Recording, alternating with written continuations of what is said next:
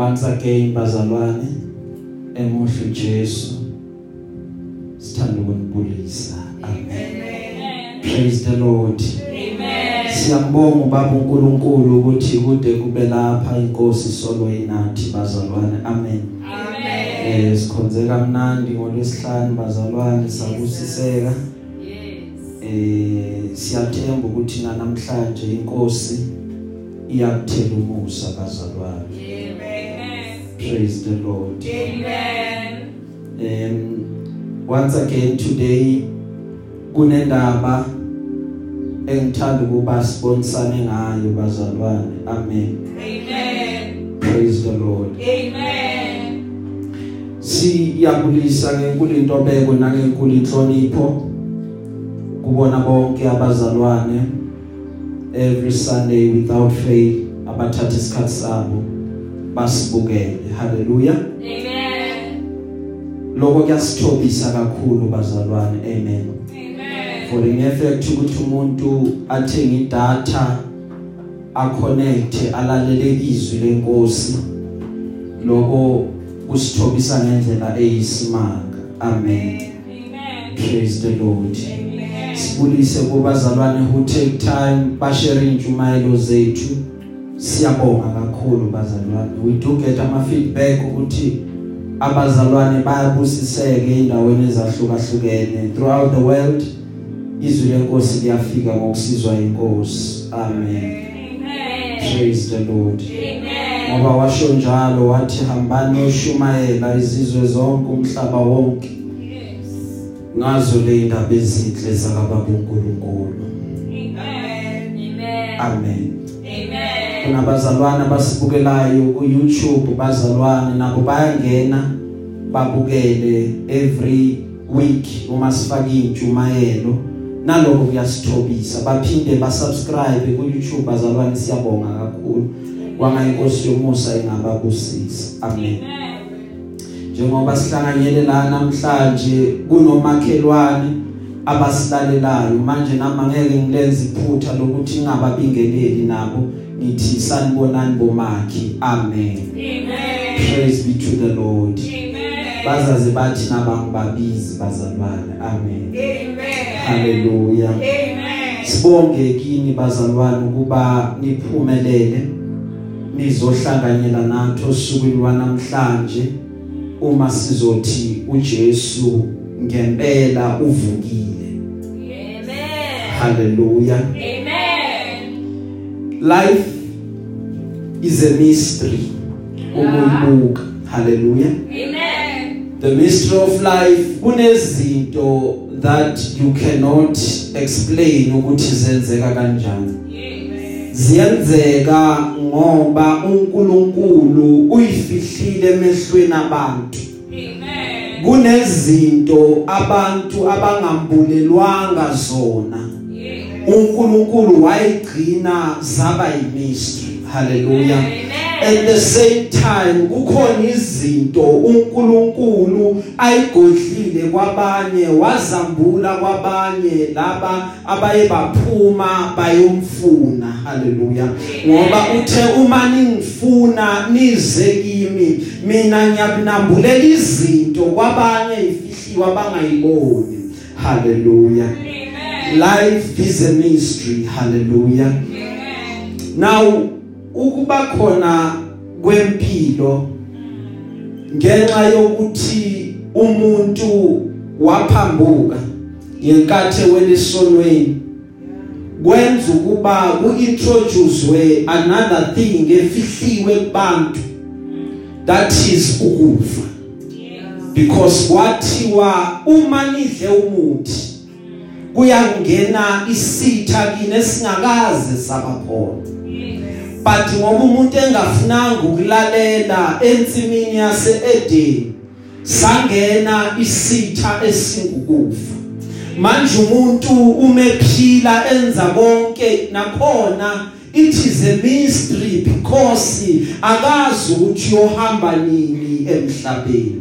Nginabantu mina engibaziyo bese babalelwa amalanga nezinyanga wodokotela bathi kubo niyahamba next month.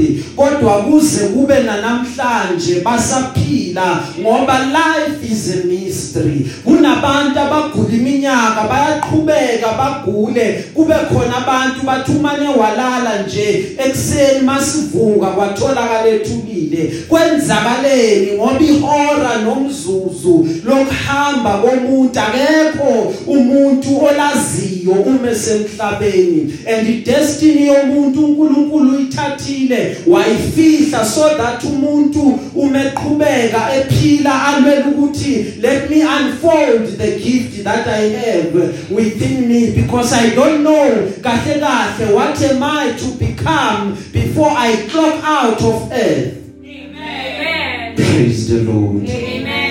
Life is a mystery because abantu bayaphila. Abantu kuhambe hambe bese bayafa. Praise the lord. Amen. now umuntu ona entsimini yase Eden uma kuzolimala ubudlelwane bakhe noNkulunkulu kwamele ukuthi kuze omunye umuntu haleluya Amen. onguNkulunkulu Amen.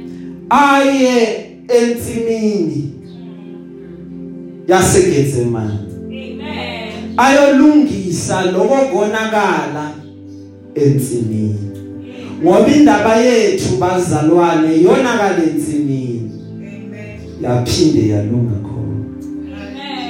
Praise the lord Amen. that is why namhlanje sizothi uvukile he is risen akekho thuneni haleluya sizobuka lokho namhlanje ngokusizwa inkosi bese siyakhuleka bazalwane amen Amen. praise the lord Amen. sifunda incwadi yezenzo the book of acts.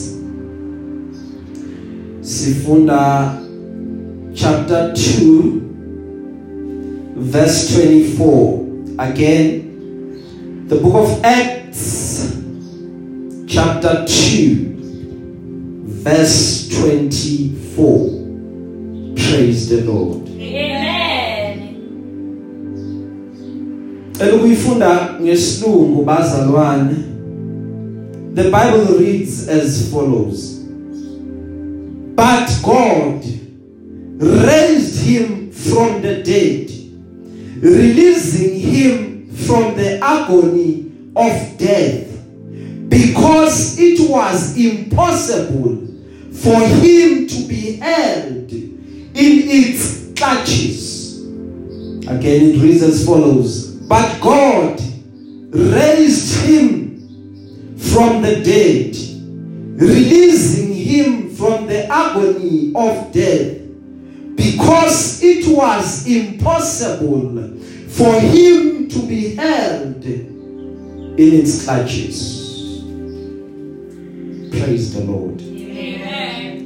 ngesixhosa ke bazalwane ifunde kanganansi indlela ivese ka24 lithi iBhayibheli athe uThixo wamvusa eyikhulule inimba yokufa ngokokuba ebenganako ukubanjwa kuko haleluya. Amen. athe uThixo wamvusa eyikhulule inimba yokufa ngokokuba ebenganako ukubanjwa ukufa praise be to the lord. Amen. sizovala namehlo.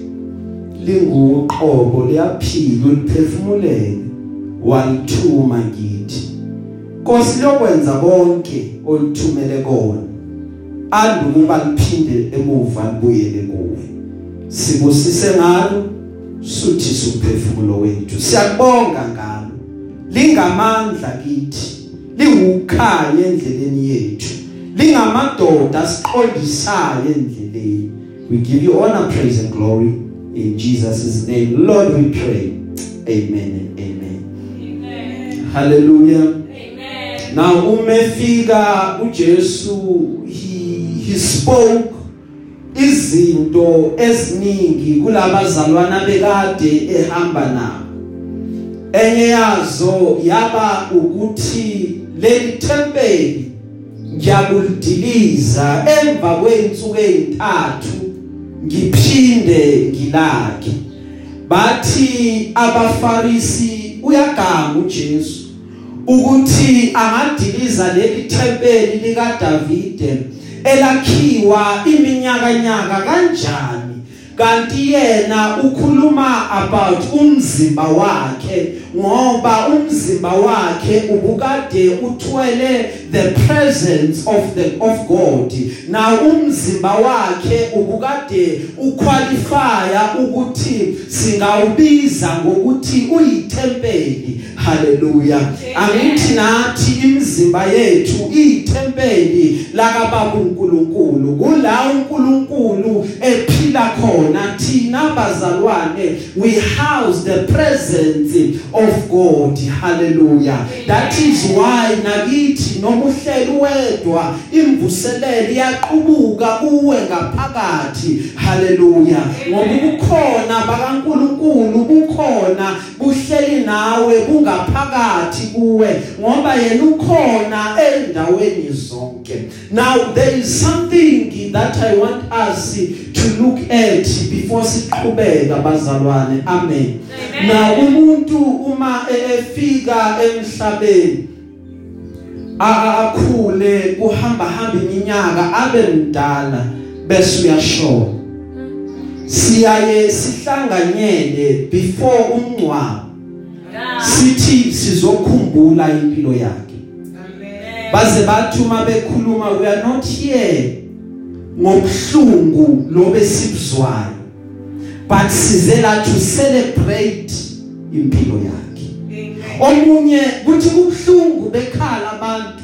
Omunye azakhuluma athi wayethu mefikile mhlambe umuntu othanda ama jokes bese bonke bayahleka haleluya bazalwane because we remember the goodness yalomuntu ayenza ngenkathi esaphila. Amen. Amen. praise the lord. Amen. that is how life is built. Amen. Amen. ukuthi along the way along the path we need to celebrate the goodness yomuntu asuka ishini Amen. haleluya Amen. uma kuchazwa indaba ye, ye, ye good friday bathi i- there was nothing good. But for the mere fact yokuthi ngoba kwathi uma sekumnyama okuhle kwazalwa kokubuhlungu Amen. hallelujah. That is what makes it a good one. That is why we come and we celebrate uJesu. That is why sifika even naso suku lwanamhlanje sizo celebrate ukuthi after usizi lwethu kube khona isikhathi la sisuke osizini sangena enjabulweni Amen. sathokoza ngenxa yaloku senzele khona. Amen. now inkinga wazi uAdam lo wokuqala into awayenza wafa nonkosikazi wakhe haleluya Amen. wafa nomlobokazi wakhe that is the first Adam praise the lord Amen. On the other hand, there is the second Adam. Amen. Amen. Gama lakhe uJesu Kristu wase Nazareth. Amen. He came wazoba uAdam wesibili. Esikhundleni sokuthi afe nomlobokazi wakhe. Kwafa yena esikhundleni somlobokazi so that umlobokazi angafi. athi obhala iBhayibheli uma navuswa kanye noKristu funani okwaphezulu. Ifocus yenu ingasahlali ezintweni ezila emhlabeni ngoba ngenkathi ethathwa eyofakwa ethuneni ngenkathi sekushiwo ukuthi manje usefile nathi siyibandla sasikade sikuye safa thina naye. Uma sifa naye saphinde kwelesithathu usuku savuka naye. Umevuka ngamandla nathi savuka naye so that kube khona iexchange ukuthi imizimba yethu efayo besithola amandla ingaphinde ive Amen. praise the lord Amen. mkhulu Jesu Amen. uma e- e- efika kubo kaLazaro batho odadewabo Nkosi usefile Nkosi useyanuka Yeah. bayahamba bayethuleni uthi hayi akunankinga nalo bathi Nkosi akusabekezeleki iphunga lami uthi uJesu memphendula uMata Mata umfowena kafile uzovuka Yeah. Uthi hayi Nkosi ngiyahlala usishumayeza uthi vela bafile bayovuka. Athi uJesu Martha angikhulumi mina indaba yokuphela komhlaba. Angikhulumi ngabavukela ekwahlulelweni. Mina Martha ngiwuvuka nokuphila. Okimi akafi noma kwenzekile wafa kodwa uyaqhubeka phile. Praise the lord. La ngikhona khona mina ngenza izinto abantu ababone zingenzeki abantu babona umuntu ephila bathi besekade afile. Ingana ngithi wathi ehamba uJesu wadibana necottage yomgcwabo isiye emangcwabeni wawumisa umngcwabo umgodi sewugujiwe bathi siyomngcwaba. Wakhuluma wathi makavuke umfana ofile umfana wavuka ngoba yena uvuka nokuphila. uJesu wahamba evusa abantu so that nokuvuka kwakhe kungazoba imystery kubantu aba-understandayo ukuthi he had to get up ngoba enamandla wokuthi avuke Amen. praise the lord Hallelujah. wavuka kulazaro esemvusile uJesu Amen. amen Amen. now uJona uma ephambana necebo lenkosi. Lithi iBhayibheli esiswini senhlanzi wahlala 3 days. Waphinde wahlala 3 nights. Kanti lokuphambuka kwakhe lokuphambana necebo lakaNkuluNkulu nako kusecebeni because bekumele ukuba azoprofeta ukuthi ukhona ozayo omele ukuba ayongena emathunjini omhlaba ahlale 3 days and 3 nights. That is why simuzwe ekhuluma athi njengojona esiswini senhlanzi indodana yomuntu must go down iyohlala ethuneni for 3 days and 3 nights. But kwelesithathu qedwe uyavuka Amen. hallelujah Amen. lithi iBhayibheli masilifunda laba bazalwane Yes. bahamba baya la abekwe khona Amen. ngakusasa Amen. bavuke entathakusa bathi sifuna ukuyobona Ukuthi kunjani. Mabeqhubeka bafike. Kanti sekwenzeke into engajwayelekile. Bebakade bayibuza umbuzo wodwa ukuthi singabe sifazane siyahamba sifuna ukuyobona la alele khona siphethe amakha so that sizom anointa but we have one problem ukuthi itshe siyoliginqelwa ubani? Kanti uNkulunkulu has went ahead of them. Wathuma ingelosi yafika yaliginqa itshe. uNkulunkulu wamvusa esefile wavuka wathatha amalaphu ebekade bambophe ngawo wawabeka eceleni waphuma ethuneni. Lithi iBhayibheli uma befika besifazane into yabamangaza wazitshe liginqiwe itshe lisusiwe. Haleluya ngoba bazalwane uhamba noNkulunkulu umthemba usimakade uyalisusa itshe eliphambi kwamehlako uyayisusa inkathazo zakho uyayisusa inkinga zakho. unguNkulunkulu noma ungena emlilweni ungena nawe akakushiwe praise the lord. Awakho kubumthemba Jehova ungena nawe lithi iBhayibheli bangena ethuneni bathi mayibo ay laba babulele inkosi yami. Shuthi babuyile bazoyithatha. Sisuke entathakusa sathi siyakumfica. Kodwa akekho mabephuma banembuzo. Uphi sebakhohliwe. Banembuzo. Ngoba eminye imibuzo ivela ngokuba abantu sebekhohliwe.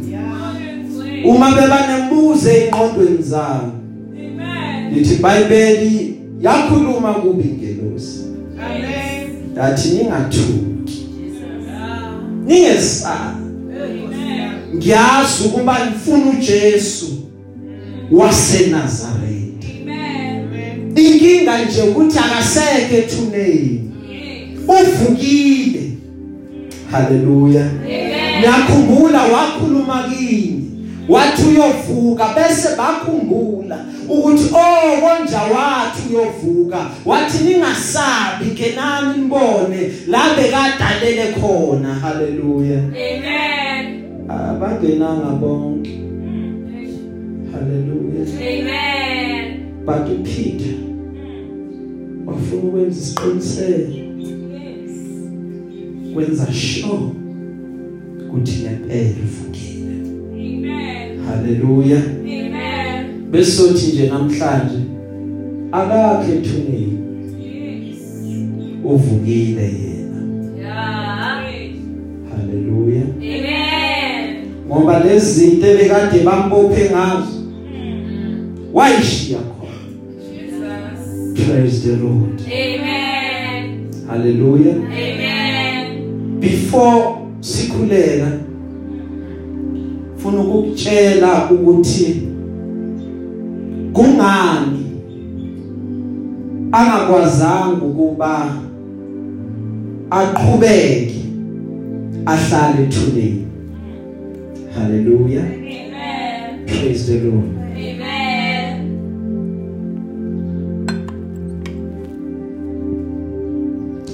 Before Jesu bewakhona amakhosi.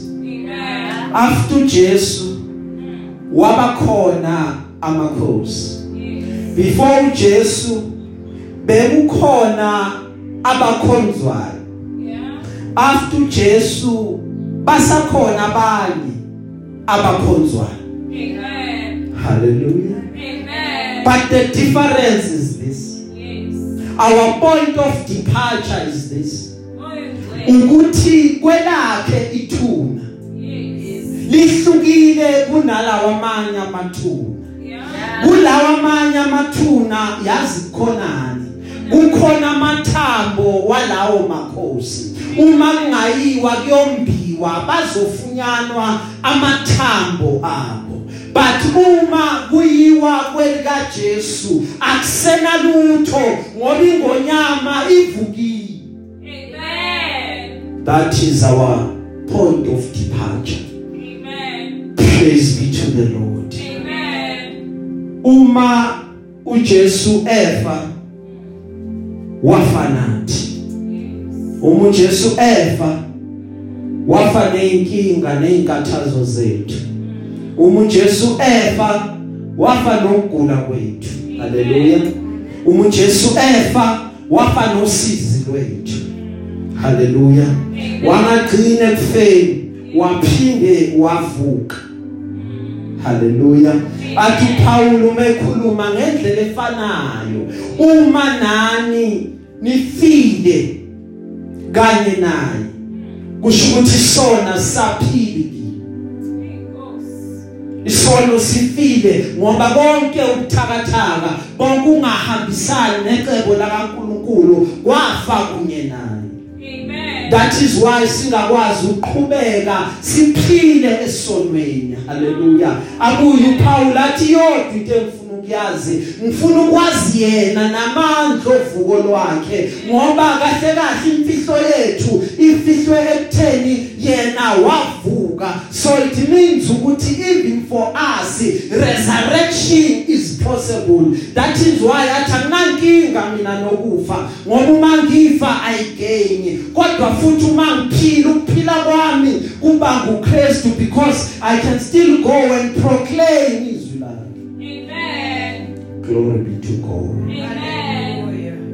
bazalwane uma kufiwa malichaza iBhayibheli lichaza ukuthi okufayo Yes. kufana nembewu okufayo kuyatshalwa emhlabathini Amen. Thina bazalwane sizelwe ngembewu engabuni mabantu becabanga ukuthi kuyaphela ngathi.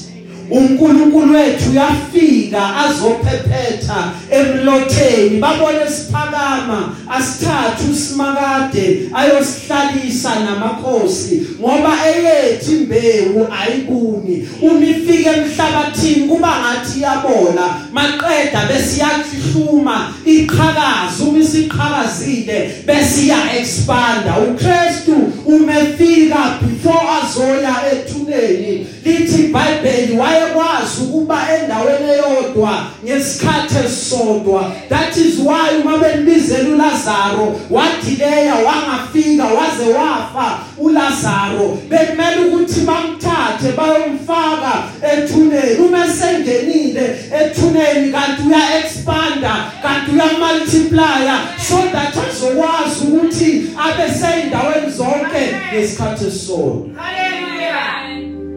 Glory to Jesus Amen. hallelujah Amen. yabazalwane ubaba umsindo into zami seziyawa la Amen. glory to God Amen. sengimangela ukuthi yinde sengiyinyathela Amen. amen Amen. glory to Jesus Amen. he had to die Yes. ukuze azoba khona endaweni zonke. Amen. that is why simbiza ngesibindi ngithi ngisespring singimbize ngithi Jesu igama lakho lihle lingcwele. Jesu igama lakho liyabongeka. Uthi useJohannesburg bese uyambiza uthi useMalawi bese uyambiza uthi useUnited Kingdom umbize. Ngoba useyindaweni zonke ufinyelela kubona bonke. Elithe iBhayibheli ngenxa yokuthakathaka bethu lobu yena uqondayo uyasinusela athi baba i know that pain. Baxolele simakade bandlule endaweni enzima ngoba wahamba etshathi siphambano wahamba ethwele usizi lwethu wahamba ethwele amahlazo ethu waphinde wavuka ngamandla Amen. uvukile Amen. ethuneni Amen. wavuswa kwabafile Amen. so that azoba ilibo loqala labakholwayo Amen. praise the lord angithi vele uma siya kuNkulunkulu sifika siqale kuye sibiza yena sithi Jesu nguwena owazi indlela yakubaba bese yena uyasasharisha sinikise kubaba Amen. glory be to God Amen. uJesu namandla bazalwane Amen. mandla akhe awayiphela mandla akhe ayawukuma ingunaphakade praise be to the lord Amen. Ayikho enye into ekumele siyazi Yeah. kumele sazi amandla ovuko Yeah. ngoba kulula ukuthi sithi hayi umuntu useshonile Yeah. kulula sithi hayi akasekho Yeah. ingani ngoba uphefumulo kokugcina wadlula Yeah. kepha ukuvuka it's another story Yeah. hallelujah Amen. the iBhayibheli kuyingubo eyokwembathwa yithina sonke Yeah. hallelujah Amen. simele ukufa kube kanye Yeah. ngoba umuntu mephila phile endaweni ezihlukaniseke kathathu Amen. praise the lord Amen. umuntu uqala ukuphila engakazalwa phila nje esakhiwa uNkulunkulu. Jehova mphi izandla mphi inhloko qale lo muntu aphefumula omama bamuzwa ngokukhahlela ukuthi impilo ikhona Amen. qalile uyaphila yetha akabonakala Amen. hlaba uqala wokuphila komuntu. Bekhona umhlaba wesibili wokuphila komuntu. Kula sihamba khona.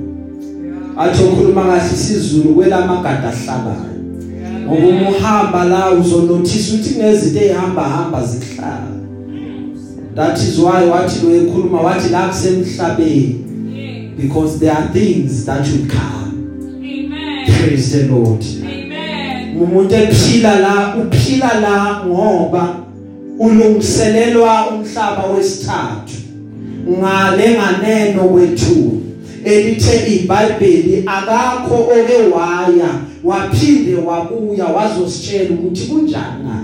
Amen. haleluya Amen. ngoba imystery is bonke abahambile bahamba bengabuyi.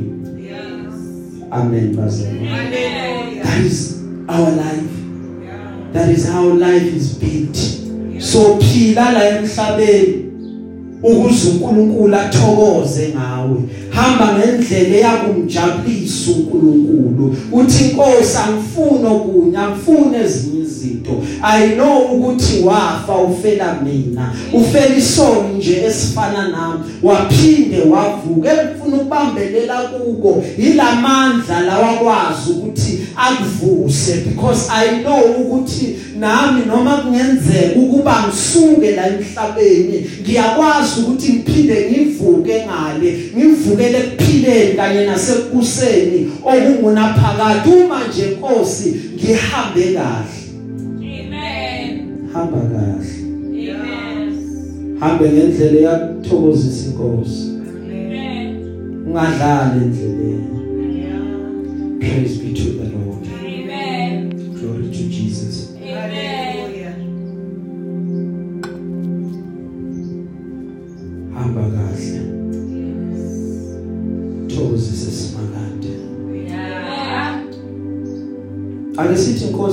qaphela ukuhamba kwami Usiqaphele ukuhamba kwami. Nkosi naku kunyathela kwami Nkosi nako kunyathela kwami. ngenze ukuba ngikujabulise Yenze ukubangijabulise. ngisaphile emhlabeni Saphile emhlabeni. amen Amen. bazalwane okwenzeka njengoba sifunda iBhayibheli lithi iBhayibheli kwaphakama uPeter. Waqala washumayela uma eseshumayelile wathi lo Jesu enambethela singale namhlanje. Haleluya Amen. kuza kanjani ukuba Peter ushumayele angithi uPeter wamphika kuza kanjani ukuthi namhlanje useyakwazi ukushumayela? Ingoba usembathiswe amandla vele ekhaya ezulwini. That is why engasasabi ukuma ashumayele ngaye. Athi uPeter nina namthatha nambulala. Uma seniqedile ukumbulala bekune pain emelwe ayimele. Noma yena efanele kuba ayithole okuyipain yokufa but uNkulunkulu wamkhulula from that pain. Athi uPeter umeqhubeka ekhuluma it was impossible for the clutches of death ukuba zimbambe ngoba bazalwane yena anguNkulunkulu ukufa bekade kunganamandla benganakwenzeka ukuba agcinwe ukufa. Haleluya Amen. benganakwenzeka Amen. ukuba ukufa kumbaba. Benganakwenzeka Amen. ukuba ukufa kumgcine. Amen. thanda le vision esifundile ethi it death couldn't keep. Its clutches on him. Okusho ukuthi lama clutches eh bewathi mawathi ayambamba lezi ingalo zokufa bezithi ziyambamba. Uke wathi uyasukuma kube nomuntu okudonsa adlala phansi.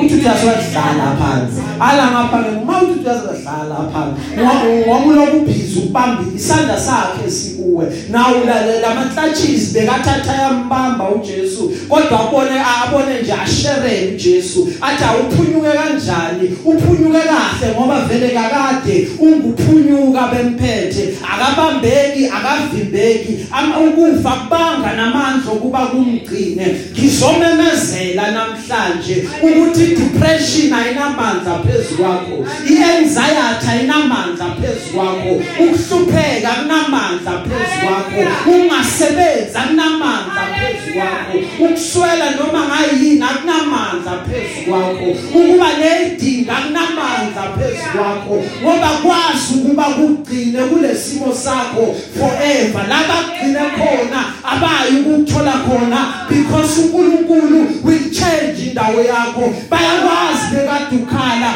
bayakwazi bekade ucomplaina ukhala yonke indawo sebayakwazi baze baqamba negama bathi nangu makhala njalo But God is doing a shifting. There is a shifting in the atmosphere. Labagcina khona usekho khona indawo yakho seyiguqukile. Amen. Praise the Lord. Amen. Uma uma manje kuyisikhathi sakho eh, isitha sikwazi ukwenza lutho noma isitha singababeka abantu kuthiwe laba baya deserve bafanele but when it is your time bathi newashe lingasebenzi laqala lisebenza Hallelujah. ngoba sekufike sakhe isikhathi ngoba esakhe isikhathi asivinjwa umuntu Yeah. lithi iBhayibheli kuyoxoxwa inkosi endlini kaDavid endlini kaJese Ah, fika uSamuel. Yes. uthi ngithunywe uNkulunkulu kubo yedwa wamadodana abe inkosi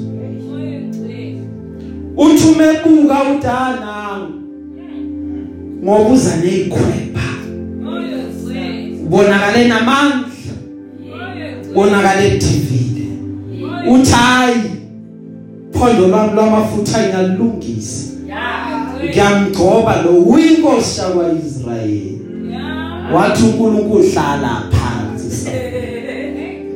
Ngoba kusuye lo. Kinga yenu nina abantu nibuka ngamehlo. Kinga yenu nina abantu nibuka ngenyama. Kanti mina ngihloli ngokwenyama wadlula wonke amadodana kaJese wonke. Wase waphelela. Wathi uNkulunkulu akekho yakuba inkosi kulabo. Bani inkosi vele uthendli kaJese ngoba ngakubaphelele labantu wathi yes endlini kaJese khona inkosi. Lithi iBhayibheli wathi awu Jese mnumzane wekhaya akakho omunye yini? Wathi ukhona inkinga ukuthi ukubulo ukhona yena. Usezimvini. Ukhona yena. La khona ungcolile.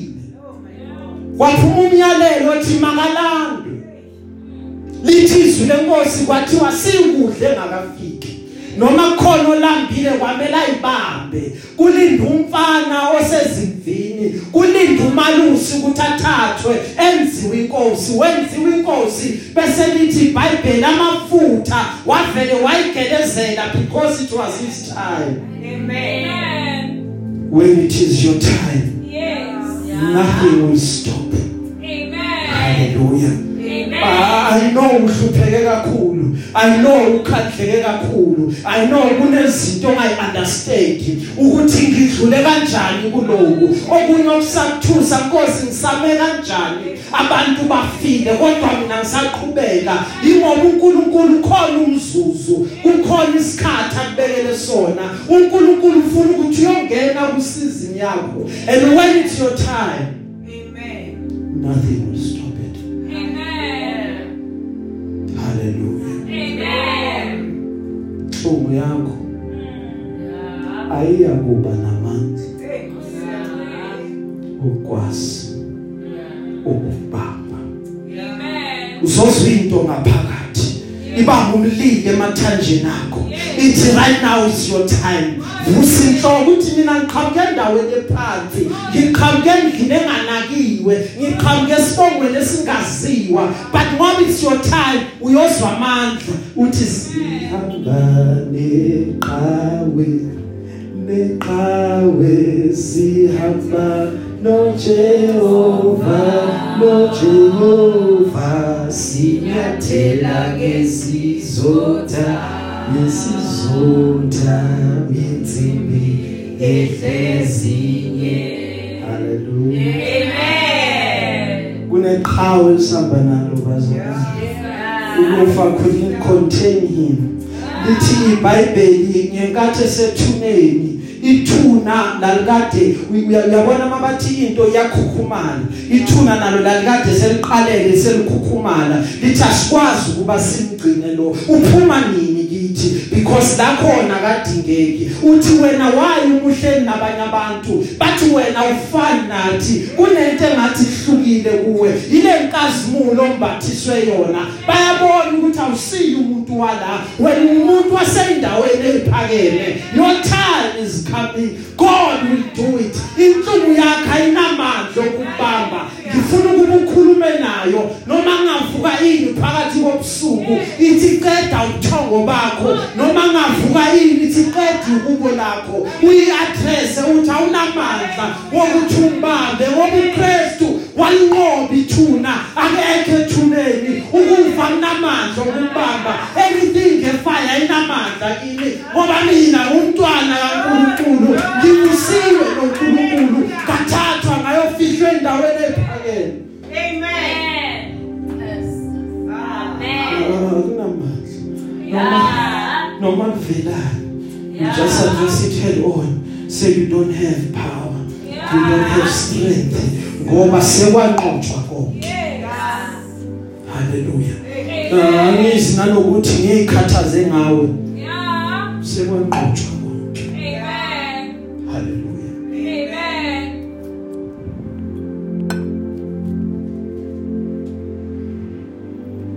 akakhethu nini Amen. ufuna ukugcina abazalwane Amen. thuna libanga namandla Amen. wakhuluma kulabazalwane wathi ukufa kumele ukufa Amen. ukuze kupheleliswe inkonzo Amen. haleluya Amen. uma uyibuza ukuthi waye uhlupheka kangaka waye udlula la udlula khona Yeah. kusapheleliswa inkonzo Amen. better days are coming bazalwane better days are coming Amen. ngathi angizwa bazalwane Amen. better days are coming Amen. haleluya Amen. yazi bazalwane khona bangasho better days are coming Amen. praise the lord Amen. kufa kubanga namandla Yes. better days are coming Amen. Sime ngaloko bazalwane Amen. sithi come what may khona wasifela Amen. come what may khona wasinqobela praise the lord Amen. siyigcina Yeah. simuzwa athi kuJohn mina John Amen. ngiwu alpha no omega Yeah.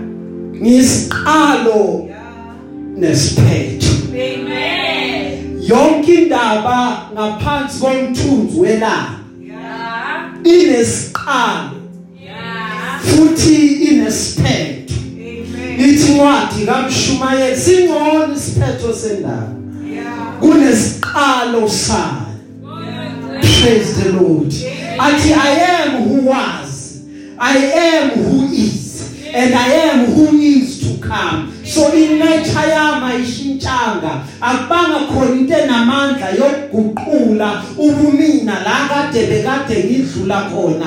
Athi esandleni sami ngiphethe ikhiya zokufa nehades Yeah. sengiyaphila. Wabe siyajabula uJohn wathi ngempela inqobile ingonyama yesizwe somndeni wakaJuda ngoba vele bazalwane unqobile ukufa Amen. thula unqobile ukufa kubanga namandla okwazi ukuba kumgcina Amen. sitha sokugcina sonqotho Yeah. lithi iBhayibheli sikufa Amen. haleluya Amen. you have a life to live Yes. Njengokuphila hamba kahle yenza kahle before God Yes. so that uzokwamukelisa umqhele wakho Amen. haleluya bazalwane Amen. asihlangani mahhala Yeah. kokunye sidela ukuphila kwethu Yeah. kuyabiza ukuhlangana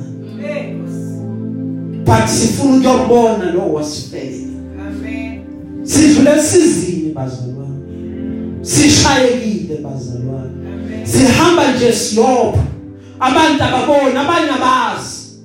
Silimele simabokoboko. Azathi uPaul emzimbeni wami ngithwele ibazi zakaKristu ngoba ukwazi ukuyihamba lendlela unganaso nesodwa isibazo wavezwa sona. Sithwele ibazi. Sithwele umhluhluku umhluku jongo yethu yini kuba siyobona yena. Amen. sifike kuye sithi baba siyabonga. Usidlulisile sizilonke glory be to god. Amen. hallelujah. Amen. jongo yethu kuba sifinyelele kuye. Jongo yethu kuba sithole injabulo. Kuthi baba siyabonga. Wasenzela umusa sithe zishayizi wasidlulisa wena Amen. glory be to god Amen. amen Amen. Amen. sesithandaza engifuna uphume nako ukuthi ukufa kwazana kumbamba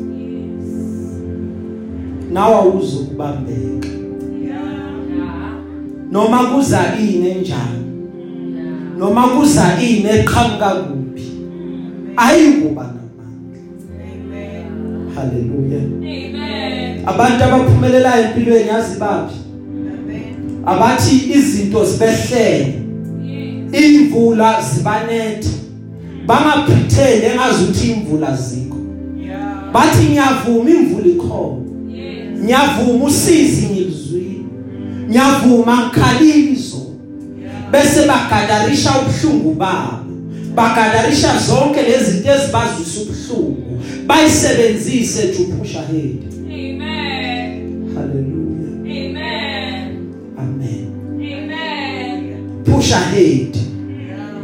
Nomuzwa ngathi akusavumi. Nomuzwa endleleni ngathi akusahambeki. Amandla sephelile but yena wanqoba Amen. nawe uzonqoba Yes. unamandla wena ungakwazi ukwenza konke ngoba lo wanqoba ukupha amandla Amen. haleluya Amen. lo wanqoba ebuthakathakeni bakho uyafika azongeza Yeah. lithi iBhayibheli uNkulunkulu ngezikhweba kwabaphelelwa amandla masimbone uNkulunkulu bazalwane Amen. masifike kuye Amen. ngoba ukufa ukunqobile Yeah. nathi njengoba silana siyakulinqoba izwi Amen. glory be to God Amen. sizovala namehlo bese ngiyakhoneka Amen. baba siyabonga izwi lakho nkulunkulu wami sibonga indlela okhulume ngayo. Wena nkosi awujwayeleki kuhlukile. Uyababazeka. Thatha udumo nkosi namanje. Usisa abantwana bakho. Noma ngayi kuphi la lo myalezo yofinyelela khona. Abanye uNkulunkulu wami amaphupho abo asefile abanye inkosi izinto abekade bathi bayozenza kuhambe iminyaka zabo right now baba ngamandla mvusa uKristu kwabafile. Ngikhuluma ukuvuka. Abanye inkosi emakhaya nabo uthando selifile. Nkosi ngikhuluma ukuvuka kothando.